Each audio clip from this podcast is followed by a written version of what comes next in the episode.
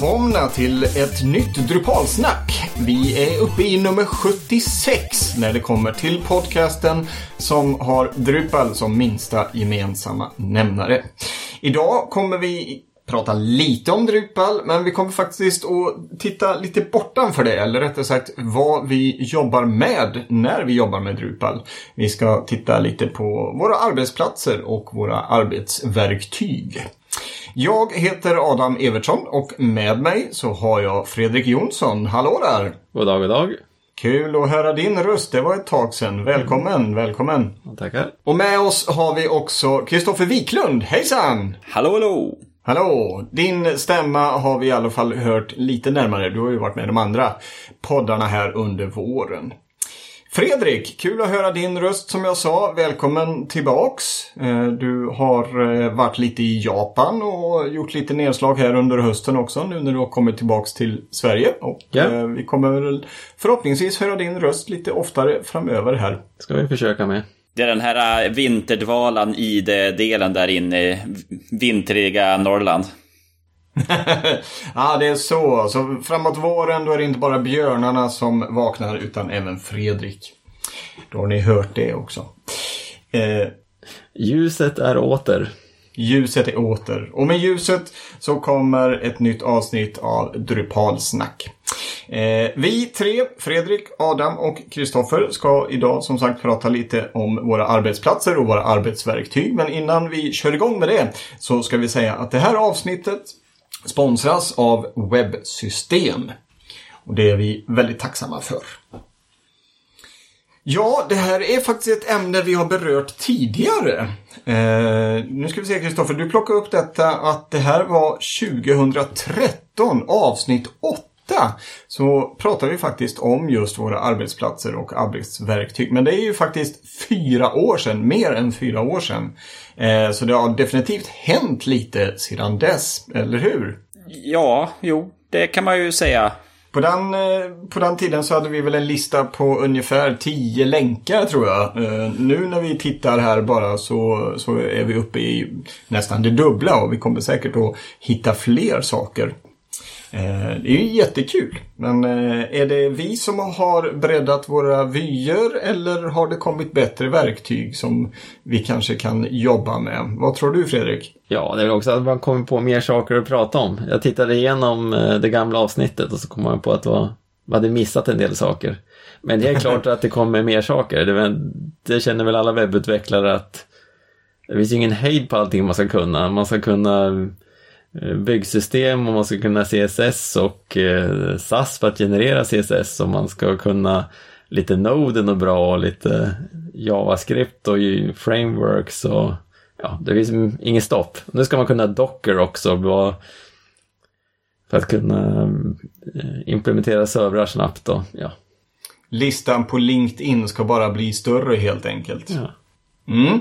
Men det, jag tror också att det är som du sa där att, att vi är mer varma i kläderna. Jag menar vi har ändå gjort nästan ja, 68 avsnitt till. Eller 60, nej, 68 avsnitt till av Drupalsnack. Så att eh, vi har väl helt enkelt mjukat upp munlädret. Så att eh, och, och, övat upp alla olika eh, nyanser av poddandet. Så att eh, det här avsnittet det kommer att bli en riktig höjdare att titta tillbaka sen när vi kör avsnitt 150 då vi blickar tillbaks på just arbetsplatser och arbetsverktyg.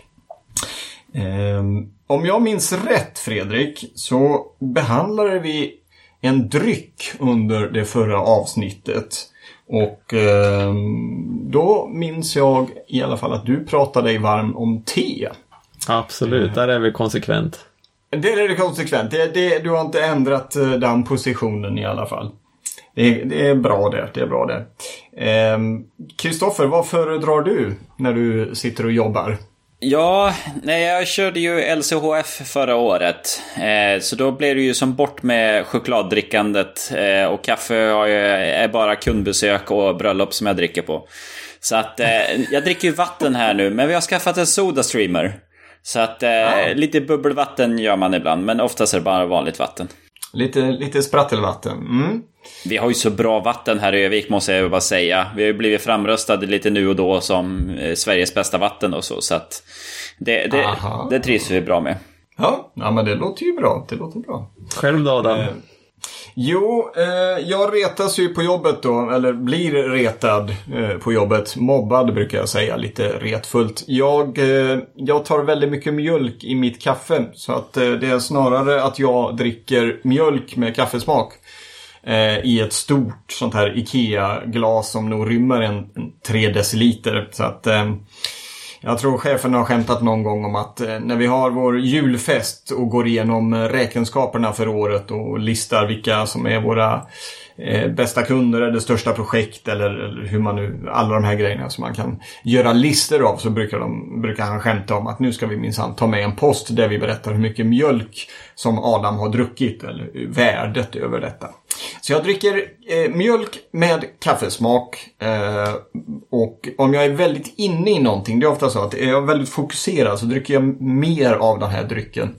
Så framåt lunch där så kan jag ibland bli lite skakig när jag har fått i mig kanske en och en halv deciliter kaffe. Det är ungefär så mycket jag pallar. Så då går jag över på vatten istället och då har jag en liten sån här lifehack. Där har jag en halvliters flaska med vatten som jag har i frysen på jobbet. Eh, där jag har eh, haft ungefär hälften i flaskan med vatten. Så att jag har en solid isklump vilket gör att jag får iskallt vatten eh, så länge den här isklumpen är någorlunda intakt. Och det, det brukar den hålla sig i en och en halv, två timmar. Liten, liten lifehack ifall man vill ha sitt vatten extra kallt. Mm. Mm. Eh, Lite, lite uppvärmningar då med, med dryck, för dryck måste man ju ändå göra. Um, sen så behöver man ju sitta vid typ ett skrivbord eller något sådant. Hur, um, jag har haft turen att ha ett sånt här höj och sänkbart skrivbord så jag står oftast. Ibland sitter jag ner. Hur, hur gör ni och hur tänker ni? Ja, nej, vi har också höj och sänkbart skrivbord. Och vi tog sådana som är två meter breda så har man mycket utrymme på sitt skrivbord. Eh, mm. Jag sitter ner ganska mycket, det gör jag. Jag har en annan kollega, han står jämt. Men jag sitter ner ganska mycket. Men vi har, vi har också införskaffat till kontoret några stycken office balls. Eh, Vad är detta? Det är intressanta saker. Det är typ en pilatesboll som man sitter med. Eh, när man, eh, men de har som en platt, en platta där under så att de är lite mer sta, stabil än en pilatesboll. Eh, och sedan så har du som ett filttyg så att de inte, det är inte galontyg utan det är mer som en, en, en stol fast det är bara en stor boll. Och när man sitter på den så sitter man och guppar lite grann och så tränar man magmuskeln. Så den, den, är ganska, den är ganska skön, den är helt okej. Okay. Eh, det finns två olika storlekar eh, från den leverantören vi har köpt ifrån. Så att, mm. eh, nej, men Office Balls kan jag rekommendera. Det är lite roligt också att ha de där bollarna, för de är ju såklart drupalblå i färgen. Ja, klockrent. Eh, lite intressant att du valde singular där på magmuskeln. Mm. Eh, jag, jag, hade för mig att man hade flera, men, eh, men nu är ju inte detta en anatomipodd. Men eh, jag ska ta med mig den och eh, se om jag kan träna min muskel på något sätt. Mm. Eh, det var intressant. Sådana såna bollar har jag inte sett innan. Vi lägger med länk till den här i våra show notes så att ni kan få se hur de ser ut. väldigt fin blå färg får jag säga. Eh, Fredrik, hur, hur gör du? Eh, står du, sitter du, ligger du, hänger du upp och ner som Batman gjorde i Tim Burton-filmen från 80-talet? Eh, Gåband ska man tydligen ha nu för tiden har jag sett. Det, ja, det har jag hört. Eh, jag kan inte riktigt eh, förstå hur det funkar, men det kanske det gör. Gå och programmera, jag, vet, ja, jag är lite tveksam. Ja, jag, brukar, det, jag sitter på fredagar i, för det mesta. Ah, Okej. Okay. Varför just på fredagar? Är det typ ja, casual, casual Friday? Lite sådär. Sit down Friday. Mm. Men du går Annars, inte i alla fall? Nej, eh, men jag vet inte om jag, när vi spelade in det här sist, om jag hade mitt ståskrivbord redan då. Kanske jag hade. Ja, åren går fortare än man tror. Mm. Eh, jag stå är nog bland det, bland det bästa jag gjort. Det var mycket lättare att gå över till att stå. Så, ja, jag står... Eh, stor del av tiden så står jag. Mm. Har, eh, nu, nu då står vi ju faktiskt alla, alla tre. Har ni någon matta under? Eller står ni rakt på mm. ett uh, hårt golv eller någorlunda hårt golv? Ja, trägolv hemma så vi har ganska skönt att stå på. Eller svikta lite i alla fall. Ja, för oss är det ju som så att eh, min kollega avskyr sådana här mattor. Så att vi, vi har ingenting sånt utan vi står direkt på golvet. Då är det ju det är lite grann så här tunn, modern heltäckningsmatta så det är ändå lite mjukt. Mm. Eh, härligt. Jag står rakt. Vi har ju en, en eh, sån här kontors... Eh eh, ja, kontorsmatta eller vad man ska säga på, på golvet. Eh, men jag har en kollega som har en, eh, vad ska man säga, vadderad eh, kudde eller något. Eh, en liten golvmatta, lite tjockare golvmatta som man står på. Den är riktigt skön. Eh, jag känner dock inte att jag har något behov av det för stunden. Jag har rätt så bra skor. Men eh, står man mycket upp eh, så mm, har man inte bra skor så Eh, Eh, så eh, se gärna ifall ni kan ha en sån här matta att stå på. Det, det är bra för, för knän och, och höfter. Ja, men mm. där är ju så här, står man på hälarna som min kollega säger, då står man fel. Du ska ju stå på tårna och då får du inte de problemen. Bara det att man är inte van att stå på tårna i hela dagar så att man har inte den muskulaturen Nej. uppbyggd i foten. Det är ju sant. men, men som sagt, han, han har, jag, jag, jag ska inte ta hans eh, diskussion och så. Han, eh, vi hade en ergonom som var förbi vårt kontor och visade lite olika Eh, möss och tangentbord och ståmattor och bord och lite sånt. Eh, och eh, nej, det gick inte att prata med min kollega om just det med ståmatta. Nej, så okay. att det, han är ganska bestämd i sin åsikt kring det. Mm. så helst stå på tårna. Mm. känns som att det kan bli kramp i vaderna. skulle man då kunna ha högklackat för att avlasta lite? Jag tror nog att man bara får träna sig och stå. Ja, kanske det. ja, det hade varit intressant att ha högklackat på en sån här vadderad matta. Men det är en diskussion som vi eh, kan ta i vårt eftersnack istället för här. Mm. Ehm, hur är det med, eh, med er koncentration då? Klarar ni av, eh, nu sitter ju du eh, hemma, du jobbar hemifrån Fredrik, Kristoffer, du har ju några runt omkring dig. Jag sitter i ett öppet kontorslandskap med ungefär ett dussin människor runt omkring mig. Nu har vi visserligen fått eh, lite väggar eh, mellan våra skrivbord som avgränsar och ljudisolerar lite grann men det är ändå ett öppet kontorslandskap. Eh, ibland kan jag känna att jag blir störd av prat, eh, diskussioner. Eh, hur, eh, hur, hur gör ni? Eh, hur ser er situation ut? Om vi börjar med dig Fredrik som då jobbar hemifrån mycket. Eller jobbar ensam. Hur, hur har du det med, med den här situationen? Det är tyst och skönt åtminstone. Det är så här äldre hus och ingen så här fläktar eller någonting som låter. Mm. Jag är väldigt känslig på sånt. Skulle jag jobba i något sånt här kontorslandskap så skulle jag tveklöst måste ha ett par sådana här äh, Bose Quiet Comfort. Det är väl bland de bästa noise cancelling-lurar. Jag har haft några mm. kollegor som, har ju, som just jobbar på kontor som säger att det är deras käraste ägodel. Mer än datorn liksom. Ja, precis. Jag har testat sådana några gånger, de är ju otroligt effektiva. Ja. Nästan lite så här skrämmande när man sätter på dem. Ja, precis. Man inser hur mycket oljud mm. det faktiskt finns runt omkring en. Det kommer jag ihåg en lärare på gymnasiet som berättade att han började upptäcka att när ventilationen stängde av så kunde han se hela klassen och så alla axlarna bara så sjönk ner. Ja. Man är mycket mer känslig än man tror tror jag. Ja, och eh, man, man är väl helt enkelt så van vid det så att man, man tänker inte på det. Nej, men eh, helst lyssnar jag på högtalare men mina riktiga högtalare är i ett annat rum så jag har ett par öppna hörlurar. Sådana kan man ju inte ha när man gör eh, på kontor för det läcker ju ut ljud men de låter ju väldigt mycket bättre. Nu får du se, upp, öppna hörlurar, vad, vad är öppna hörlurar? Det har ju två, det två hörlurstyper, öppna eller slutna. Slutna är sådana som är som en tätslutande kåpa som de stänger ut en del ljud också.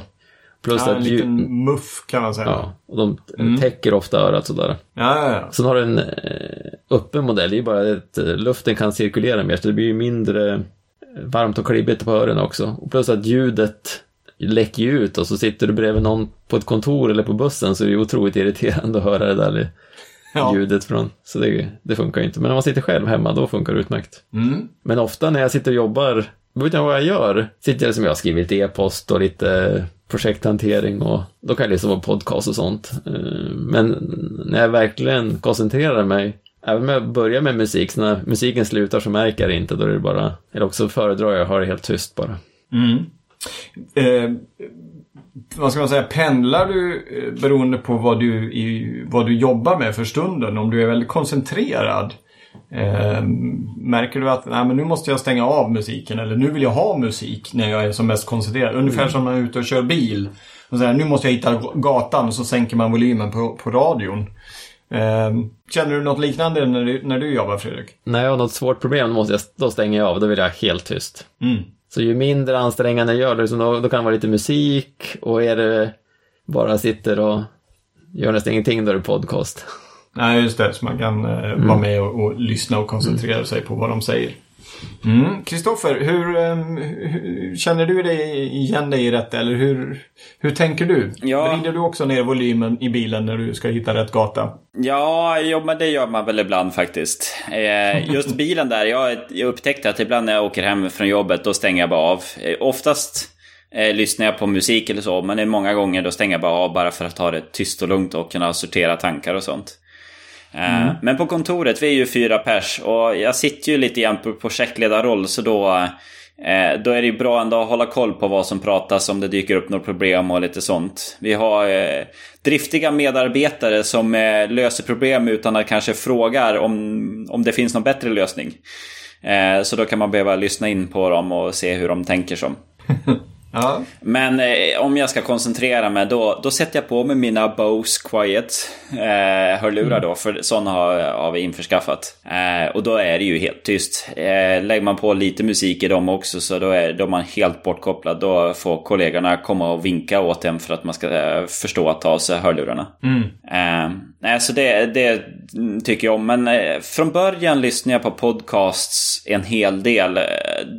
Men det är så här, det funkar inte för mig att, att jobba och göra det samtidigt. Jag blir för splittrad.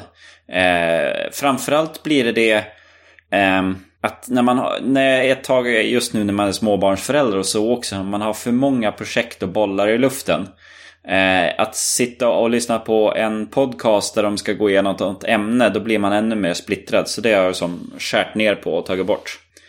Eh, däremot så eh, på kontoret här, så här, YouTube går ganska varmt hos oss. Det är olika sådana streams eller sådana saker som kan gå. Eh, min äldre kollega här kan inte alls förstå det hela men vi som är lite yngre vi kan typ ha en, en, en CSGO-match igång på ena skärmen.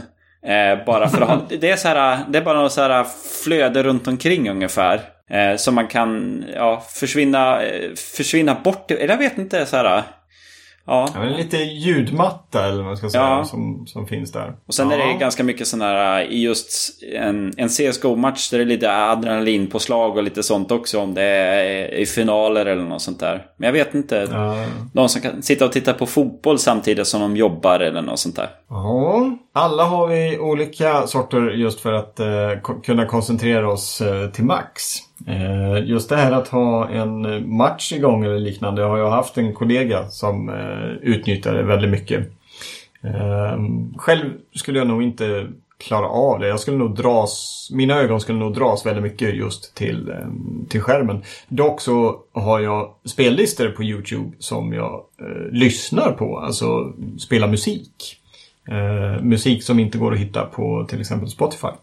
Men då ligger ju det i bakgrunden och snurrar och så plötsligt eh, får man lite reklam istället. Det är inte lika roligt. Men det är sånt som händer. Mm.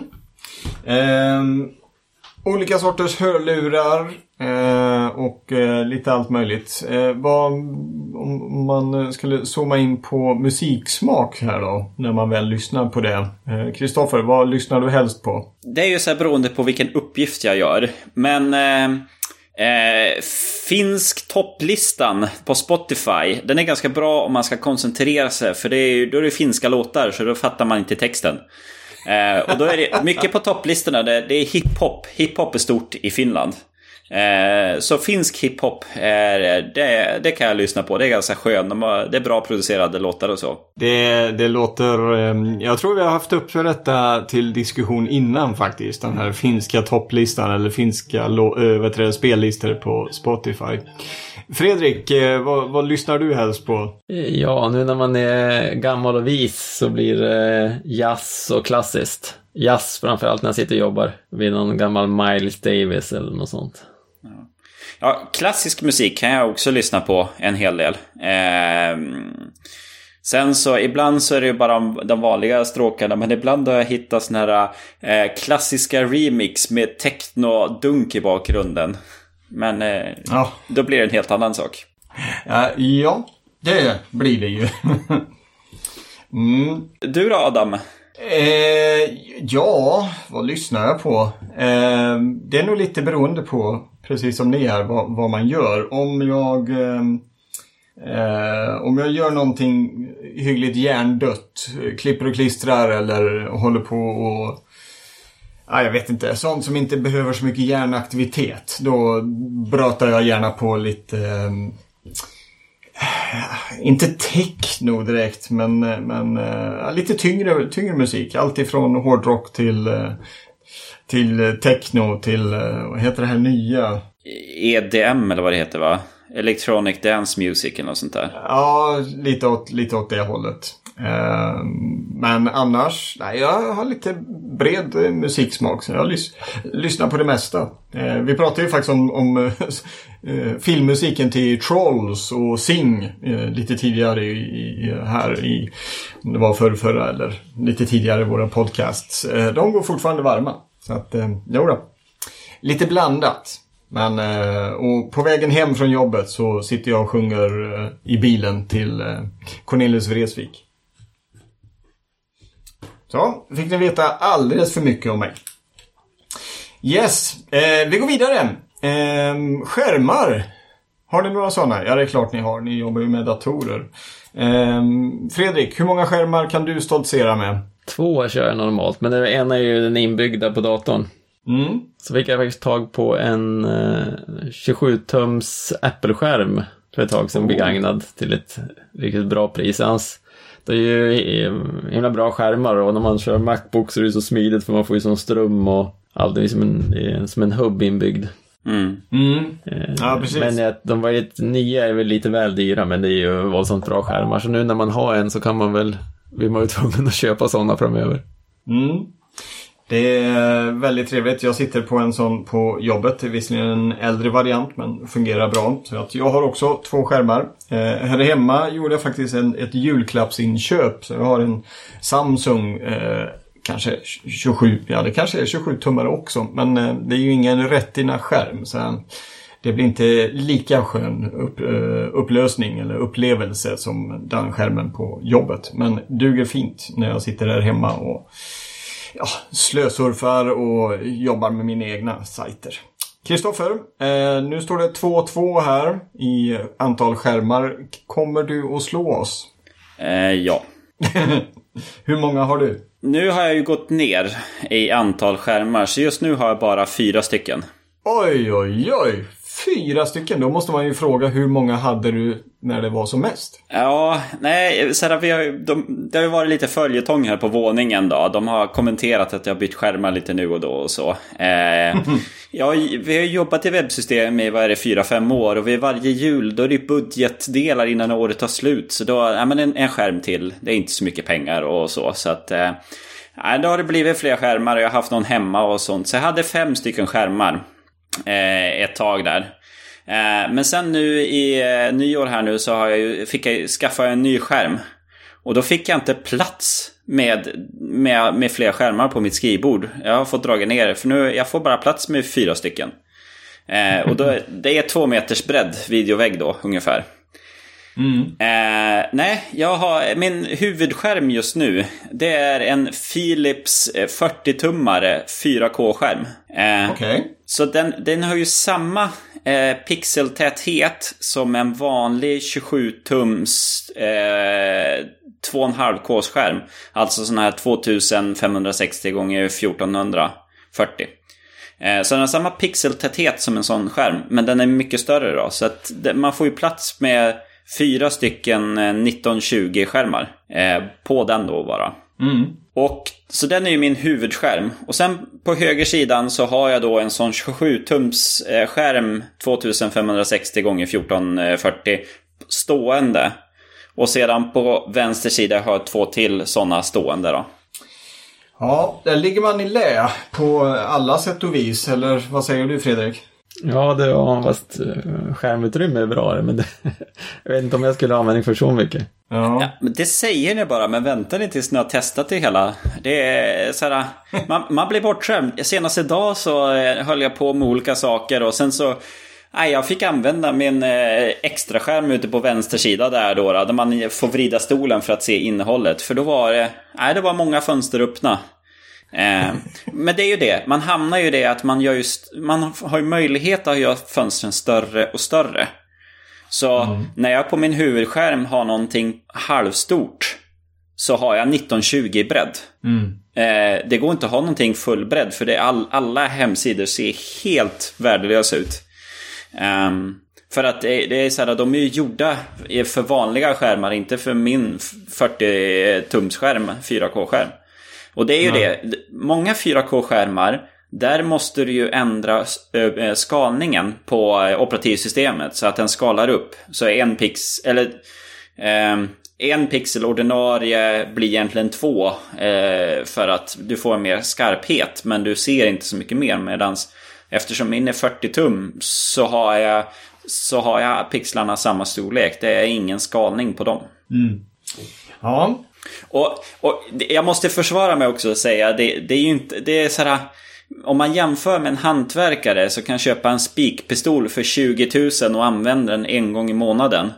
Eh, och sen lägger jag en skärm som kostar fem, eller ja, de här kostar ju, vad är det nu, 7 500 kostade min 4, eh, 40 tums skärm. Så 7 500 och den använder jag dagligen. Så eh, det är ju ingen stor kostnad på det sättet. Eh, för det är det enda verktyget som jag egentligen har. Mm. Eh, när vi ändå är inne på eh, verktyg här, eh, lite snabbt här. Eh, vad skriver ni på för tangentbord? Har ni några specialare som ni vill lyfta fram som ni har blivit förälskade i? Eller kör ni samma gamla tangentbord som ni köpte 2002? Och kanske älskar? Ja, där hamnar vi också i webbsystem att eh, det slutade med att vi köpte Corsairs eh, K95 Gaming Keyboard. Mekaniska tangentbord som är upplysta till alla oss fyra för att eh, ha enhetligt. För det var så mm. jobbigt att gå mellan Mac-tangentbord, Windows-tangentbord och några andra tangentbord. För man tryckte fel hela tiden när man eh, satt vid samma dator. Så då blev ja, det ja. sådana tangentbord. Men mekaniska tangentbord, det, det är väldigt trevligt att ha sånt. Ja. Fredrik, vad sitter du på? Har du något eh, favorit-tangentbord? Jag kör ju Apple-tangentbord. Uh, nu kör jag igen Apples väldigt platta aluminium-tangentbord. Det är med mm. sladd, så jag har numerisk del och sådär. Ja. Uh, jag grävde fram för ett tag sedan här så jag hittade Apple Extended 2. Väger 3 kilo tror jag. Såhär, såhär beigefärgat som allting var på 90-talet. Ah. Och den är... Ehm, den här är, jag har ett par sådana liggande här i, i källaren för jag använder dem väldigt mycket förut. Och det är otroligt skönt att skriva på. Om man tar fram dem så är det ju helt annan känsla. Men enda problemet jag hade är att tangentbordet säger lite för högt. Jag vet inte om det är jag som har vant med väldigt platt tangentbord, men jag fick så mycket fel ställning på handlederna.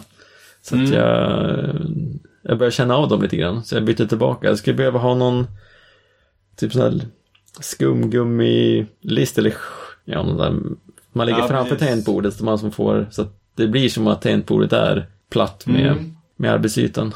Du kan ju annars fräsa ut i skrivbordet eh, sådär, mm. vad blir det, 50 gånger 25 cm och så kan du sänka ner tangentbordet i den, det hålet istället. Jag flyttar ofta tangentbordet beroende på om jag sitter eller står eller vad. Ja, nej men det, då, får du, då får du bestämma dig helt enkelt. Ja, nej, jag, vi lägger med en liten uh, länk till uh, Apple Extended Keyboard. Jag har hittat en bild här som visar ungefär hur högt det är och det är ju som som, som du säger, de här klassiska tangentborden är väl minst en centimeter högt. Eh, och jag håller med. Eh, tidigare så hade jag ett, eh, vad ska man säga, klassiskt PC-tangentbord här hemma. Men efter att eh, ha börjat jobba och eh, dels då börjat jobba med, med Apple-datorer, eh, laptops, som då var lite tunnare och framförallt då jobba med eh, Apples tunnare aluminium tangentbord så, så vande jag mig väldigt snabbt vid att, att nästan ha den här osynliga övergången mellan tangentbordet med väldigt platta knappar till skrivbordet. Ehm, så att jag har dels eh, eh, köpt ett, ett litet Apple-tangentbord som jag använder eh, och till min stationära PC så har jag köpt Eh, det är faktiskt ett av de bästa köpen jag har gjort i dataväg. Ett Logitech solcellsdrivet tangentbord. Som om jag minns rätt heter, just det, K750. Jag tror jag har pratat om det tidigare. Riktigt bra. Eh, har inte behövt... Det har aldrig strulat på säkert, eh, jag har nog haft det i 3-4 år. Kan rekommenderas till eh, PC-användare. Vad har ni för möss då? Ja, de, får, de är ju nästan, eh, de ligger ju alltid till där. Uh, där kör jag faktiskt, uh, till, till Macen kör jag en uh, sån Magic Mouse. Också från Apple såklart. och till PCn har jag mycket riktigt en Logitech. faktiskt med sladd. den gamla musen jag hade gick sönder. Det var inte Logitech kan jag säga. Vad, vad kör du Kristoffer? När det kommer till möss? Ja, när vi fastnar för eh, Logitechs eh, Master MX. Eh, det är en trådlös mus då. Eh, med mm. liten sån eh, ergonomisk form på den och lite knappar och sånt. Eh, fungerar väldigt bra och den håller laddningen länge också. Den laddas via USB-mikro. Så att eh, man, man tar den från telefonen in i musen och sedan tillbaka till telefonen efter någon, någon 20 minuter så är den laddad för två veckors tid eller en månad. Mm. Du då Fredrik, vad sitter du med? Möss har jag inte använt på, jag vet inte hur många år. Så jag har en uh, Apple styrplatta. Ja. Mm.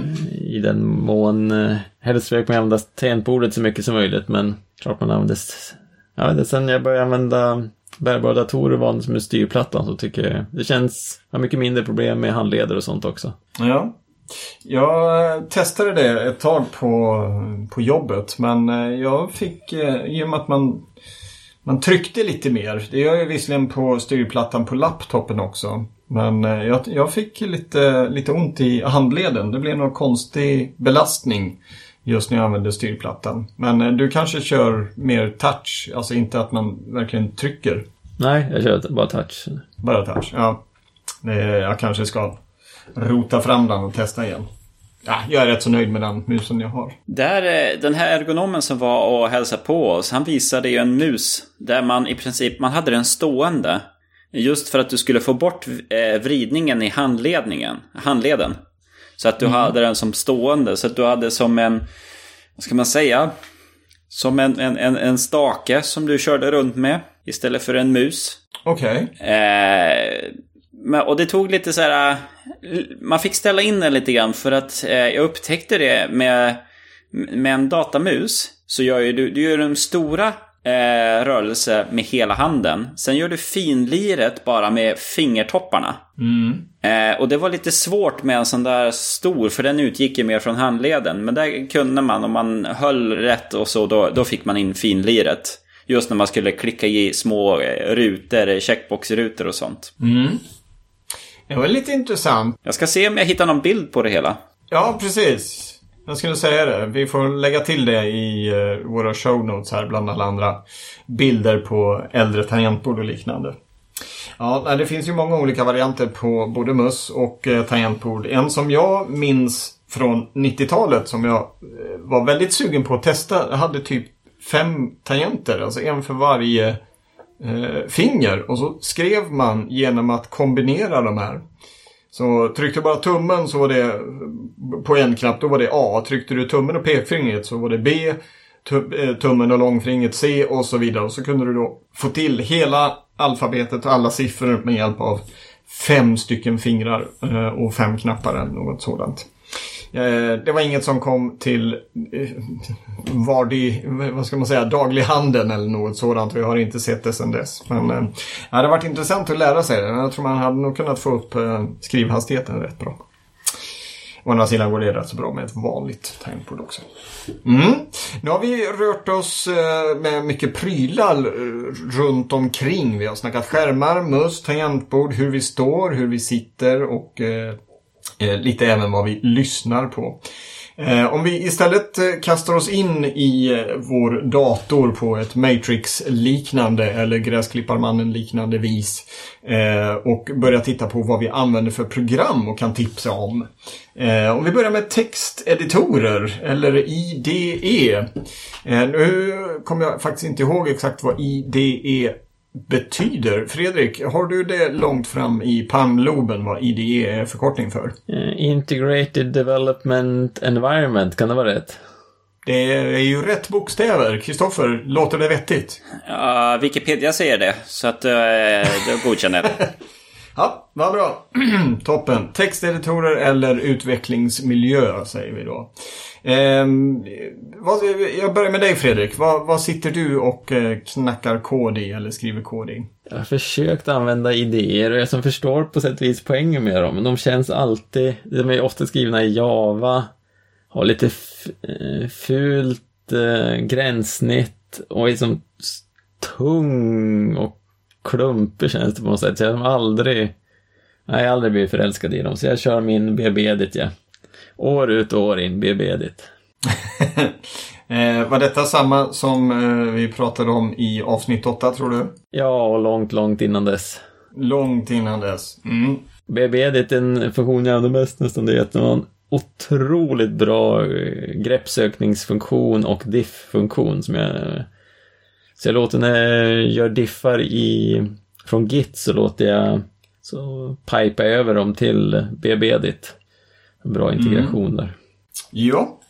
Eh, då har den hållit i eh, åtminstone då fyra år eller som du sa eh, långt innan dess. BB Edit pratade om... Mm. Ja, då vi pratar 20 år ungefär. 20 år. Mm. Själv sitter jag på en betydligt nyare texteditor. Jag håller med dig lite där. Jag har testat någon IDE också. Men eh, jag tyckte att de var eh, dels lite långsamma eller lite tröga. Eh, och det kanske beror på att de är, många är skrivna i Java. Eh, utan, eh, och jag gick rakt på en texteditor. Jag är ju gammalt Notepad-användare. Eh, på 90-talet så satt jag i Notepad. Sen hittade jag ett program som heter Ultra Edit. Men nu sitter jag i Sublime, Sublime Editor. Nummer tre sitter jag på. Eh, för att hantera mina Eh, kodrader. Eh, väldigt bra, väldigt enkel, väldigt smidig och eh, väldigt fin.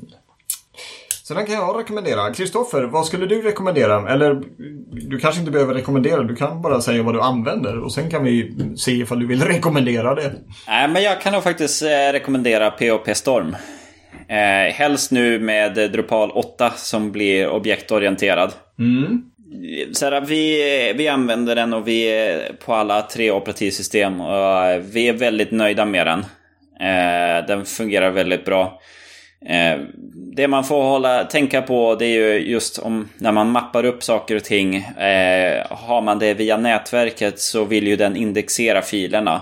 Så att man kanske inte ska ta med hur mycket saker som helst. Om man har fyra sajter som delar samma plattform eller i vårt fall kan vi ha 20 sajter. Det blir väldigt mycket att indexera så då får man excluda lite kataloger och lite sånt. Och, eh, nu med eh, Eh, gulp och eh, vad heter det med eh, eh, Node Modules och sånt så har man ju väldigt mycket underkataloger som man får se till att ta bort. Men det finns mycket saker i PP Storm som vi tycker är bra.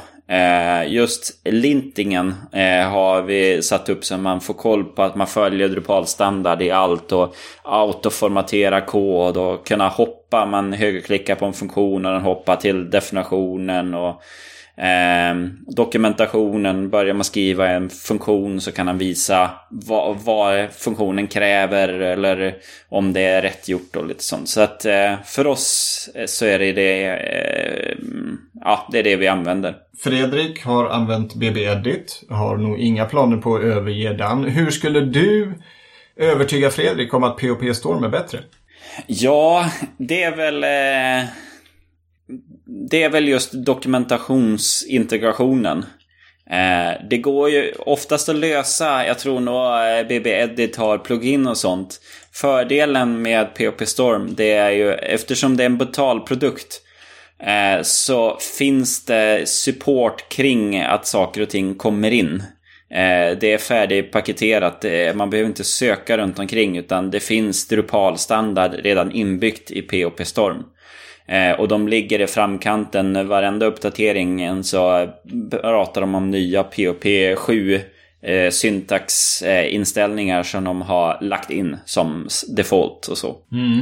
Fredrik, köper du det? Ja, jag förstår ju helt klart eh, poängen med det. Speciellt om man kör objektorienterad kod. Att man, objektorienterad kod är ju mycket, mycket svårare att hitta och orientera sig i utan ett sånt här stöd. Mm. För det är så många spel till Drupal 8 de är symfoni backenden så det är så otroligt många filer och så många mapphierarkier och sådär så att kunna hoppa emellan då. Nu gör jag väldigt lite i, i Drupal 8. Ja, framförallt i Drupal 8 är ju det när man ärver från en annan klass. Eh, då vill du ju kunna veta vilka funktioner ska, är, eller ska jag kunna skriva över och hur ser dens funktionssignatur ut. Eh, och då måste du ju ha något, något som kan typ kolla upp det. Om du inte sitter med två fönster och själv eh, koppla en katt och så. Mm. Det, det, är väl egentligen inga problem för dig Kristoffer som har fyra, fyra skärmar där? Nej, nej, nej. Nej. Men eh, man har väl tre stycken med putti ut till servrarna och så har man lite eh, två eh, när man är inloggad och oinloggad. Och sedan har man en till där man söker på. Ja, och så ett fönster med en eh, Counter-Strike-match på. Japp. Yep. Ja. Mm. Eh, ja, Fredrik och jag eh, kör lite, eh, jag ska inte säga enklare editorer, men POP Storm otroligt kraftfullt har jag hört ifrån utvecklarna, mina utvecklarkollegor. Eh, BB Edit, eh, är det en öppen källkodsprogramvara eller är det en licensierad eh, programvara? En licensierad. Den också. Mm. Det är väl ett av, eh, det är Barebones eh, som gör dem. De har ju gjort Mac-program sen jag tror BB är ju från, om det är sent 80 eller från tidigt 90. Mm. Eh, som de har hållit på väldigt länge. De har hängt med ett tag, ja precis.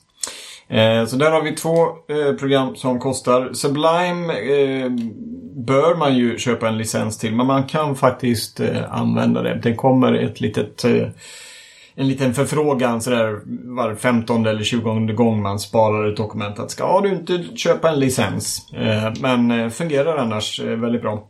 Eh, även om man eh, har en tajtare budget. Mm. Eh, vi lämnar dessa. eller nej just det, en fråga till här. POP Storm. Om man bara skriver säg enklare kod, eh, kanske bara CSS, eh, redigerar lite HTML eller någon enstaka template. Eh, tycker du att man ändå ska ha POP Storm, Kristoffer? Eller är det overkill? Ja, jag har ju faktiskt två till editorer som jag vänsterprasslar med. eh, den ena är, eh, är ju Vim. När man är inne mm. på servern. Eh, för då är det ju, då, då öppnar man ju upp filen och skriver direkt. Eh, via Putti då. Mm. Eh, så det är, ju, det är ju editor på Linux-system som jag använder och den trivs jag väldigt bra med där också. Eh, och i Windows som jag sitter där och ska öppna upp någon fil lite snabbt och smidigt. För det är ju det, PUP Storm utgår ju från projekt. Eh, som eh, man vill ju ha allting kopplat till projekt då. Men är det bara någon fil, någon, någon man laddar ner någon textfil eller något sånt där. Eh, då kör jag ju faktiskt Notepad++. Mm. Eh, den är ju snabb och smidig. Där kom den upp också. Ja, en också en gammal klassiker får man väl säga. Mm. Eh, yes, vi touchade lite där på projekt. Eh, utvecklingsmiljöer har vi tagit upp här som en en punkt i programmet också. Ehm, hur ser vi till att eh, webbplatserna rullar på datorerna? För det är ju inte bara och Det är inte som på, på 90-talet man körde HTML-filer som kunde i stort sett köras från vilken mapp som helst på datorn. Ehm, nu behöver ju man någonting som klarar av att hantera databaser och eh, även andra saker. Ehm, att exekvera POP-kod och liknande. Eh, jag har väldigt länge kört MAMP för min egen personliga eh, utveckling eller vad man ska säga och eh, gör det i viss mån eh, fortfarande. Eh, hur, eh, hur ser din utvecklingsmiljö ut Fredrik? Ställer jag den frågan till. Jag kör, det beror lite på projekt. Vissa kunder har ju, kör virtuella miljöer så kör man ju via, via VirtualBox och hanteras ofta via Vagrant eller något sånt. Och kanske mm. Ansible och eh, eller något annat liknande provis provisioningssystem. Fördelen där är att man då har ofta exakt samma Linux-version med exakt samma POP-versioner och allting som det är i produktion och test och som alla andra utvecklare har. Det är lite... Eh, man vill, man vill ju ha sin kod på... Det vill man inte ha inuti virtuella miljön för man vill ha, använda sin vanliga editor och sådana här saker. Så att det kan vara lite prestandaproblem. Så det bästa är ju att köra, det finns R-sync-pluginer som helt enkelt eh, synkar ens lokala kod med, eh, synkar in den i den virtuella miljön. För att försöka köra en sån här shared folders eller något sånt där blir ofta struligt och dålig prestanda och sånt. Mm. Men det mesta när jag kör själv, då har jag en eh, har jag installerat Apache och mm, POPFM och sådana saker lokalt i man kan använda Homebrew eller Macports eller något sånt. Mm. Så ska jag väl ta och undersöka det här med, med Docker och se om, om det är någonting att köra på. Ja. Men det blir någon framtida grej. Några ord om Docker, du nämnde det tidigare också. Vad, vad kan man göra med det? Eller vad, vad är Docker kontra... Ja, Docker ska vara så våldsamt eh, modernt som är ett steg ännu längre bort än att köra virtuellt. Så du kör en, ja, hur ska man? Har du läst på mer Kristoffer så du kan förklara det bättre? Ja, nej men eh, om vi säger VirtualBox så emulerar du en hel dator. I Docker så emulerar du bara vissa systemanrop. Så det är som en mellanting mm. mellan en virtuell dator och eh, köra det som en applikation. Eh, så att du som eh, kapslar in programvaror så att de har inte direkt åtkomst till disk eller nätverk. Men de körs inte i en helt standalone virtuell miljö. Så att du kan ju ha parallella versioner utav Apache igång sida vid sida. Men de får som olika nätverksinterface var och en utav dem. Så det är ett annat sätt att kunna paketera saker och ting. Och du kan, de här dockerinstanserna kan ju då vara beroende utav varandra. Eh, i ett helt annat Lego-system än vad en virtual machine är. Och de här dockerinstanserna kan du ta och eh, deploya på, det finns ju då hostingmiljöer som, som stödjer docker. Så då kan du beskriva upp dina, eh, dina dockerfiler och eh, bara eh, trycka ut dem färdiga och veta att det här kommer fungera på en massa olika ställen. Man behöver inte konfigurera upp, upp en hel server utan man bara slänger iväg sina dockerkonfigurationer och är väl det som är tanken. Sen i verkligheten så fungerar det inte alltid så, så klockrent. Men det är en snabbt växande, att man, växande sätt att hantera saker. För att man, mm. man slipper bygga upp sin egen virtuella Linux-installation med att hantera alla de sakerna. Så det är mindre saker att hantera. Och hostingsföretaget får hantera mer istället. Mm. Kristoffer, eh, det lät som att du hade bra koll på Docker där. Är det något ni använder på jobbet? Eh, nej, Eh, inte, inte vi. Jag har en kollega som eh, håller på att experimentera med det hela. Men vi använder det inte på kontoret själv. Um, hos oss så kör vi med, vi har en dedikerad utvecklingsserver som vi alla fyra eh, mappar upp via Samba och jobbar emot om vi inte kör SSH access direkt in. Eh, och det var för att vi hamnade i att saker och ting eh, blev annorlunda mellan produktionsmiljön och den lokala miljön om man satt med vilken MAMP-version som var installerad eller lokal Apache på Windows och, och de bitarna. Så vi hamnade i versionsmismatch mellan utveckling och produktion. Eh, så det ville vi komma ifrån. Så just nu så då kör vi ju Ansible. Så vår produktionsmaskin och utvecklingsmaskin installeras med exakt samma versioner utav allting. Eh, och när vi alla egentligen, alla våra produktionsmiljöer sätts upp på samma sätt. Så vi vet att eh, funkar det Funkar det dev så funkar det live. Och funkar det inte live så borde vi ha samma fel på dev också. Eh, det är inte någon versionsproblematik där som är problemet.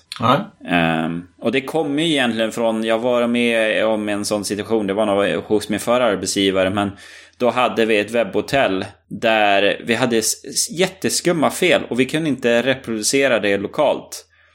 Tills jag kunde hitta exakt vad man gjorde och sen söka i MySQL och då hittade jag problemet där. Och problemet var det att om du tömde en tabell och eh, frågade den ändå med en selektfråga så fick du ett cashat svar tillbaka.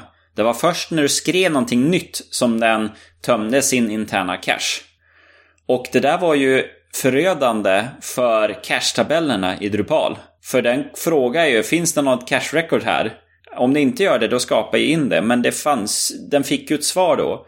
Och det där, det skilde, eh, var det på fjärde decimalpunkten i versionsnummerdelarna mellan vår version och den som var hos hostinghotellet.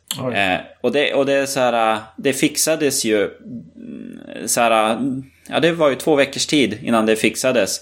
Men, eh, ja, det är ju sådana saker, när man inte kan återskapa problem på produktion på sin egen maskin, då gör det livet lite svårt. För då måste man ut med debuggkod på produktionsmiljön. Det, det är väl inte Eh, det bästa man kan eh, hamna i. Så det, det, var ju en bra lösning. Eh, vi rusar vidare här, eh, tycker jag. Vi har eh, snackat länge om detta eh, och vi, eh, vi får nog skippa eftersnacket den, den här gången. Utan vi kör vidare med vår lista här. Eh, då har vi bockat av vår utvecklingsmiljö. det jag skulle vilja prata som en del utav detta är ju faktiskt databashanteringen.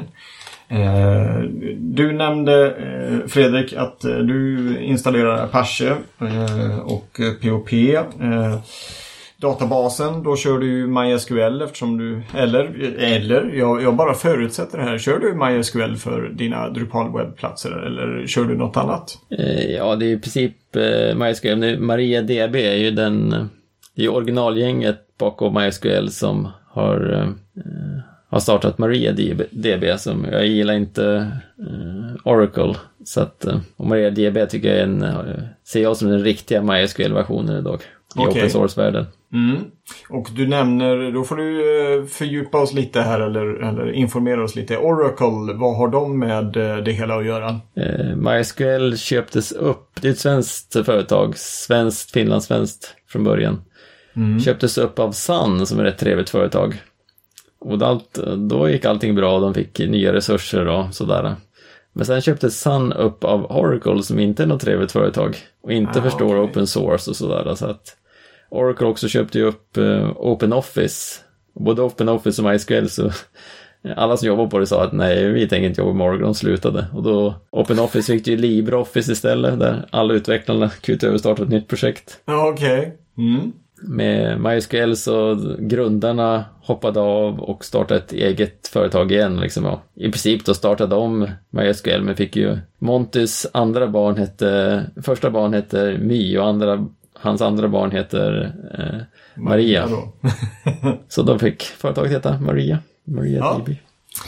Se där, se där. Det kan vara bra att starta företag och eh, döpa sina produkter efter sina barn. Hur, hur hanterar du då dina MariaDB eh, för, för att, att gå in på detta?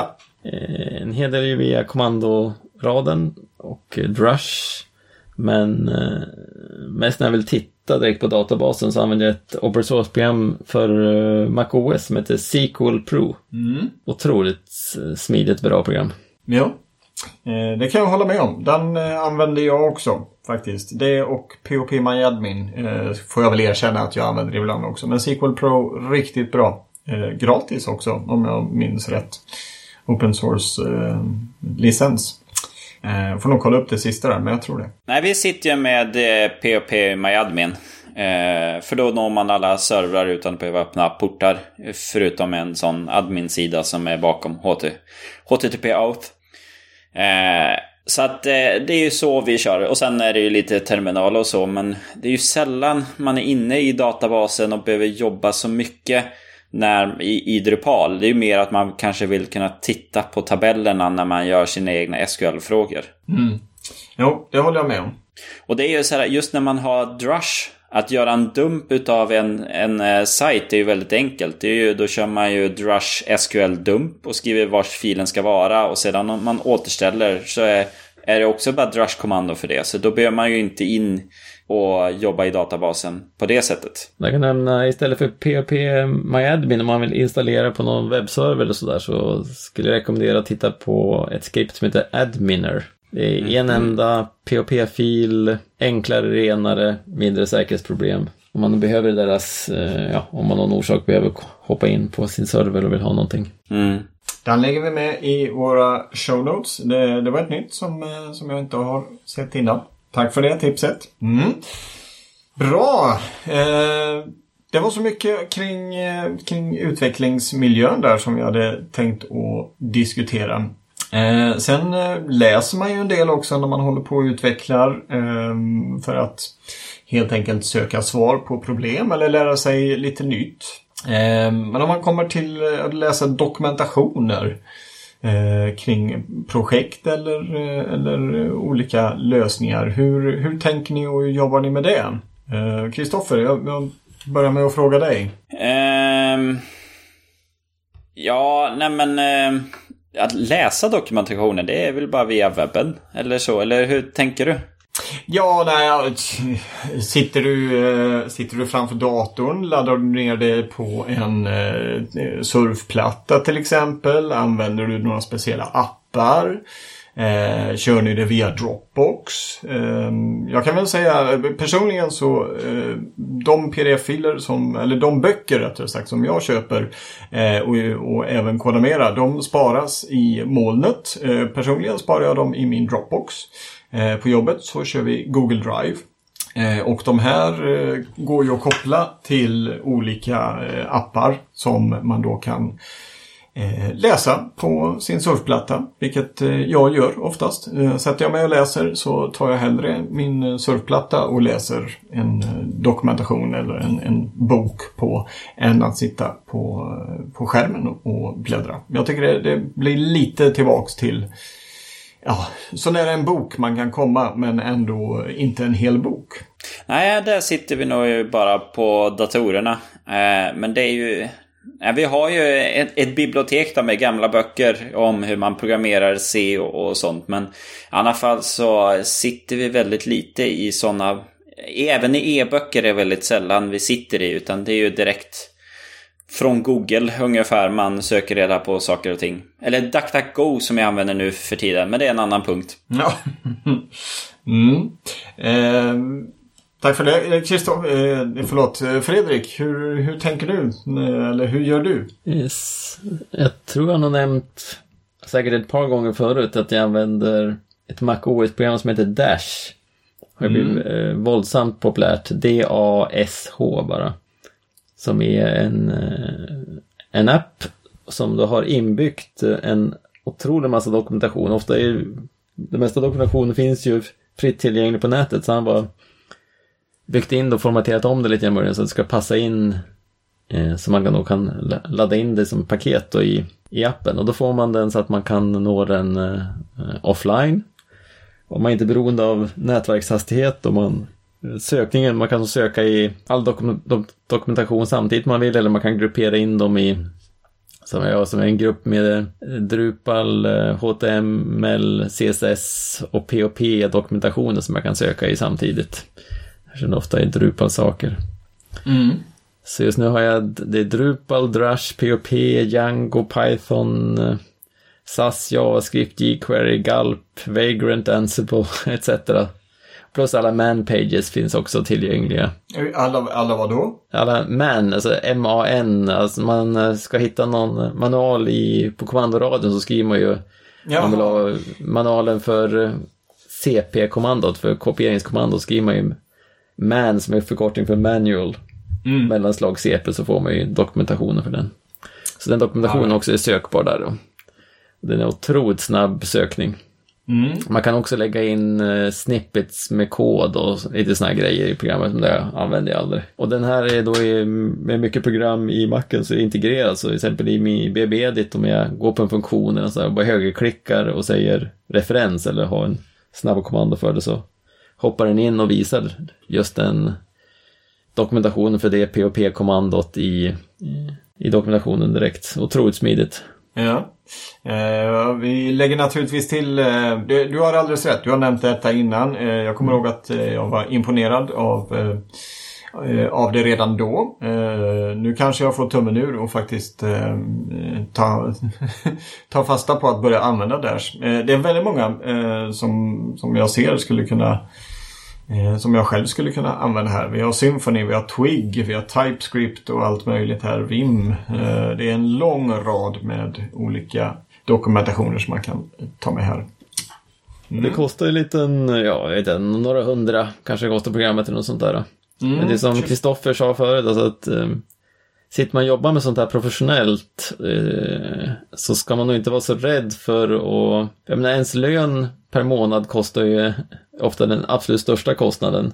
Ja. Så att lägga några tusen till på en eh, riktigt bra stol, ett riktigt bra skrivbord, en riktigt bra skärm, eh, köpa riktiga licenser för sina, eh, för de programvaror man behöver, betala igen sig mångfalt. Som, mm. Om jag drev ett företag med utvecklare också så är, köp de bästa datorer som finns.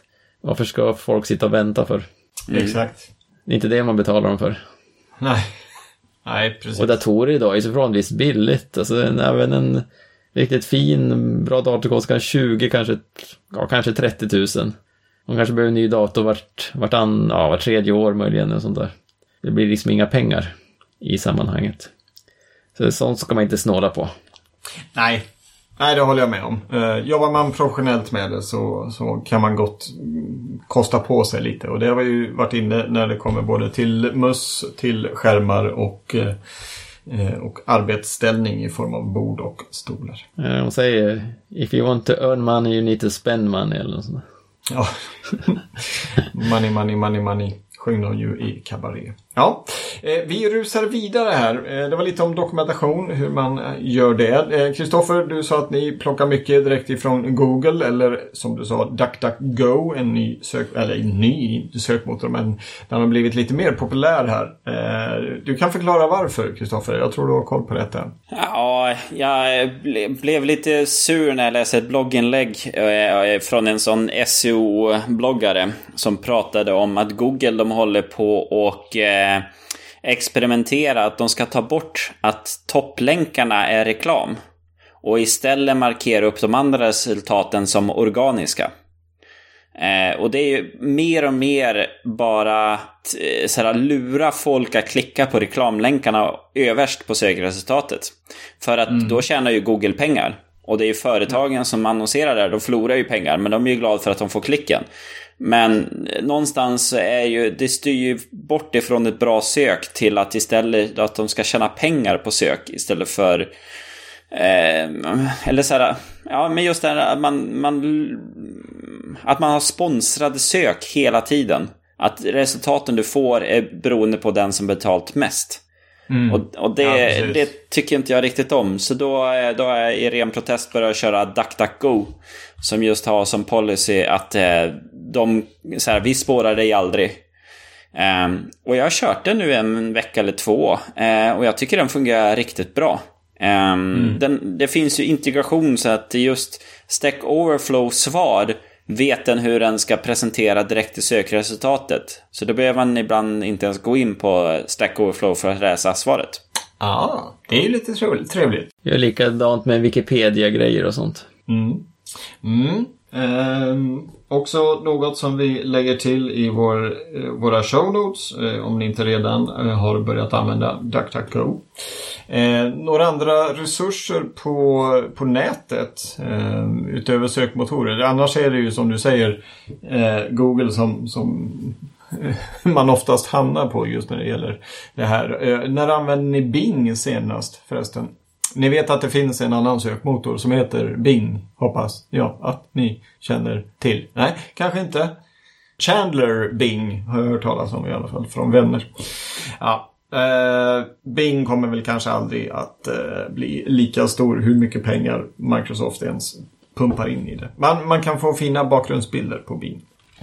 Eh, några andra resurser här på nätet. Eh, vi nämnde Stack Overflow eh, just när det kommer till eh, ja, i stort sett alla möjliga IT-relaterade frågor. Eh, någon annan som eh, vi vill nämna eh, just i, i det sammanhanget? Eh, Kristoffer, eh, någon sån här on top of your head? Någon som du kommer på? Jag tycker att Drupal.org är väldigt bra. Ja, ja det är klart. Den ska vi ju ta med. Där hittar man ju det mesta. Issue-köerna eh, hittar man ju ofta svar på. Eh, I alla fall när det kommer till buggar eller undras om det går att göra på det här sättet. Jaha, nej det gick inte. Ja, nej men Drupal.org, absolut, absolut. Eh, någon annan? Eller Fredrik, vill du eh, lägga till någon här? Nej, alltså Stack Overflow hamnar man ju ofta på och eh, när man gör Drupal-grejer så hamnar man ju på, eh, på Drupal.org förstås. Att de har ju, alltså det verkar med att saker har ju centraliserats. Eh, folk skriver mindre bloggposter om sina grejer utan man lägger ut det som gists på GitHub eller man svarar eller skriver frågor på Stack Overflow och sånt istället. Mm. Vilket man kan sakna ibland. Men... Det kanske det är, det kanske stämmer. Um, kan vi göra någonting för att motverka detta? Eller är detta kanske en bra, bra väg att gå? Problemet blir mer, mer känsligt om Stack Overflow skulle gå i konkurs så skulle otroligt massa information försvinna. Ja, jo det är ju sant. Eh, å andra sidan som jag var på väg att säga här så har ju faktiskt eh, Drupal.org eh, varit eh, lite bortglömd. Eh, den har inte fått så mycket kärlek förrän nu de sista kanske två åren. Av alla år som jag har jobbat med Drupal.org så är det ju först de två, möjligtvis tre sista åren som det har börjat hända lite grejer. De har gjort om, de har förbättrat eh, utseende, de har börjat skriva om dokumentation på ett helt annat sätt än vad som tidigare gjorts. Eh, så att jag tror eh, i alla fall Drupal.org kanske går en liten ny vår till mötes. Eh, inte bara alltså på projekt, projektdelarna, eh, landningssidorna för de olika Drupal-projekten utan även då för dokumentation och eh, i viss mån även forumet. Eh, även om jag aldrig fått några svar på mina frågor men det kanske är för att jag ställer fel sorts frågor. Jag vet. Mm.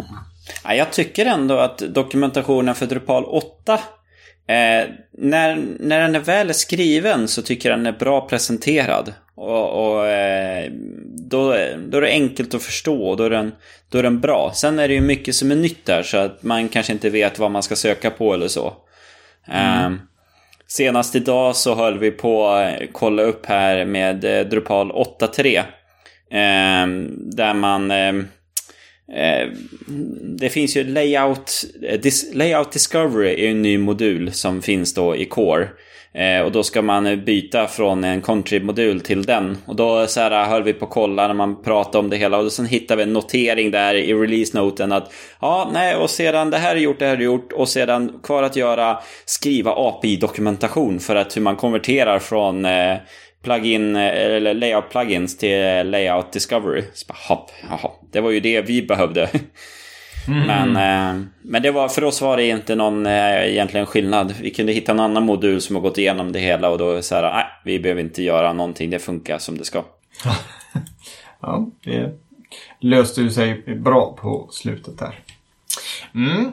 Eh, det blir ett långt avsnitt idag. Vi ska eh, gå igenom ett par eh, puckar till som, som ändå är rätt så viktiga. Vi får se ifall vi kan... De är rätt så stora, eller en är i alla fall rätt så stor. Vi ska se om vi kan hålla det någorlunda kortfattat. En sak som man gör på ett eller annat sätt är ju lister. Vad är det som behöver göras? Hur ska man kunna göra det och hålla i ordning på det på bästa sätt? Kristoffer, Mm. Eh, elevator pitch. Eh, alltså så kortfattat som möjligt här så att vi inte tröttar ut våra lyssnare. Eh, har du något eh, sätt att eh, hålla ordning på dina listor? Skriver du listor? Eh, hur ser det ut på ditt skrivbord? Virtuellt eller riktigt? Ja, ibland tar jag papper och penna för att skriva mina saker. I alla fall så är det ju Trello for the win. Eh, både mm. sån individuell för bara mig eh, to-do-lista och sedan så har man ju per projekt eller som för företaget to-do-lista. Så lite olika to-do-listor där. Eh, kör vi alltid Trello. Mm. Trello använder vi själva här när vi spelar in eh, Drupalsnack. Eh, så att eh, har hållit i fyra år och eh, kommer säkert att hålla länge till. Eh, nyligen köpt av eh, Atlassian eh, ska väl också nämnas. Eh, Fredrik, hur, hur jobbar du med eh, listor, att göra listor och sånt? Eh, mina personliga att göra-listor har jag i många år kört i ett MacOS-program som heter Things som har både Mac-klient och iOS-klient med ofelbar synkning tror jag. Jag har aldrig haft några strul med den. Mm. Den... Jag har problem med att hålla saker i huvudet så fort jag ska göra någonting så stoppa in the things och så det kan vara rulla ut eh, soptunnan varannan tisdag.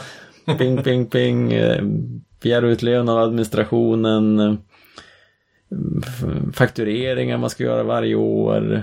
Eller bara mm.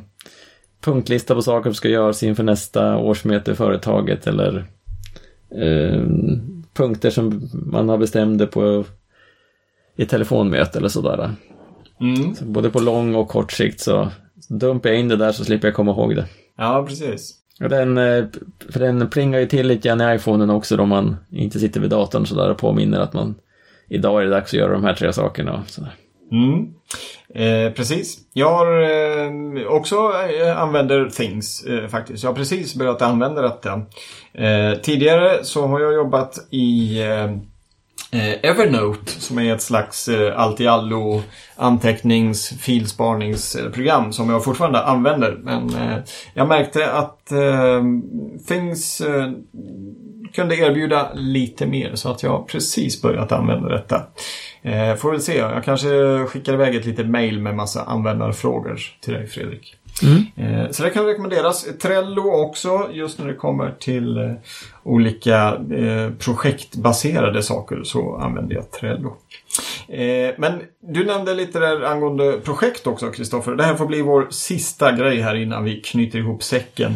Projekthantering. Eh, Trello kan man använda, det gör ni. Eh, jag använder på jobbet eh, ett verktyg som en av våra lyssnare faktiskt tipsade om när vi hade haft vårt avsnitt nummer åtta då för, för fyra år sedan. Eh, då tipsade han om Gira. Eh, och eh, det var en, en kille som hette David Park, eller David Park. Eh, han tipsade om Gira. Eh, då kände jag nog inte till det. Eh, hade jag hört talas om det så var det nog eh, rätt så eh, omständigt. Eh, det är ett väldigt omständigt program, eller väldigt stort program med många olika plugins och eller webbtjänst ska jag säga. Man har det i molnet. och det använder jag när vi sätter upp projekt på Kodamera. ett helt Ja, Eh, jag ska inte säga klockrent system, det kan absolut bli bättre. Men eh, för att bjuda in kunder och eh, låta dem ha full tillgång eller icke full tillgång till olika saker. Se tidsuppskattningar, se hur mycket tid som finns kvar på projektet. Så är detta ett av de bästa program eller online-tjänster, vad man nu ska kalla det, som jag har stött på. Det är Atlassian som, som gör det, eller hur? Det är mm. de som har kört upp, köpt upp Trello. Precis, det är mycket riktigt Atlassian också. Eh, är det något, eh, Fredrik, har du använt Gira? Har du någon åsikt om det? Eh, jag satt som slutanvändare på det på ett stort projekt eh, och administratörerna klagade lite över att eh, de var heltidsanvändare av av giran. Var allting de fick göra var att sitta och administrera det. Jaså, okej. Okay. jag skulle säga att det var lite stort och sådär med att eh, man får ut mycket information om ja, effektivitet och massa grejer och sånt där. Men som, mm. Eh, som utvecklare, ja, jag loggade in, såg mina kort och flyttade runt dem lite grann. Ja, precis. Eh, en, en klar fördel eh, kan väl nämnas är deras eh, SQL-liknande kod, JQL. Det vill säga man kan skriva egen kod för att få ut precis de resultat man vill ha eller vad man ska säga. Lite, fungerar lite som views kan man säga men mindre peka och klicka. Så det kan rekommenderas. Kristoffer, snabbt. Gira, är det något som, som du använder? Nej, vi kör whiteboard-tavla på kontoret. Mm. Mm. Och Trello. Ja. ja. Eh, och, det, och ni kör för era projekthanteringar så är det, det är Trello som, som det samlas information i och, och så? Eller kör du något annat eh, system vid sidan om? Eh, själva dokument runt omkring för det hela, det blir ju en eh, Google Drive. Men i alla fall så är det Trello och eh, ja, Whiteboard. Mm. Fredrik, eh, vad använder du när det kommer till projekthantering? Eh, nästan uteslutande Trello. Mm.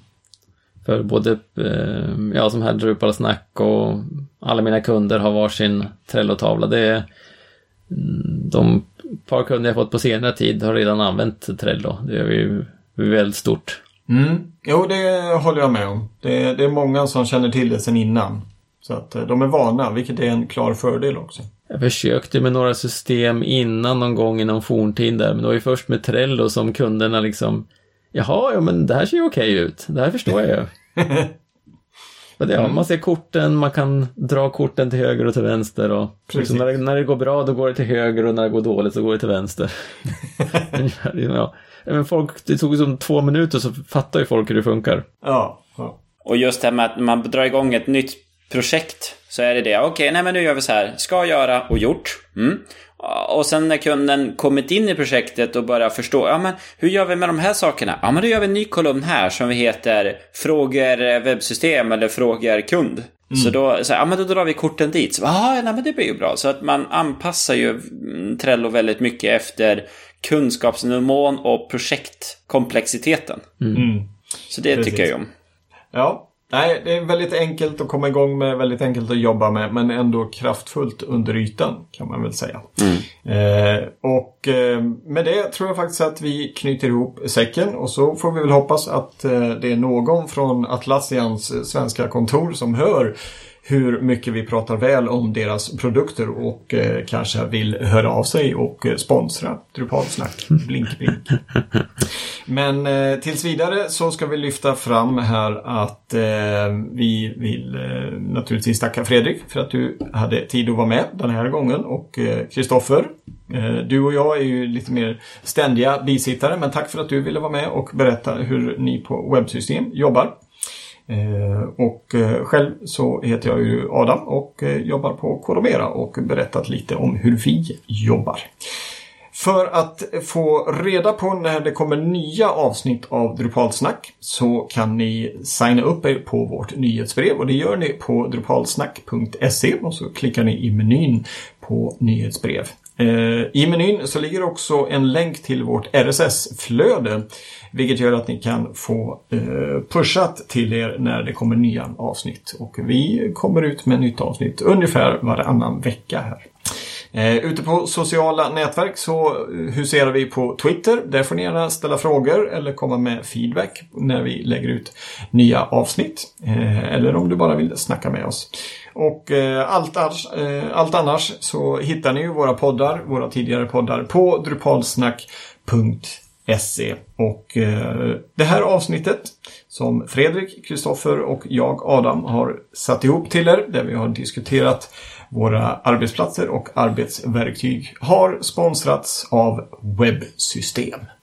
Och med det så säger vi tre tack och godnatt. Hej då!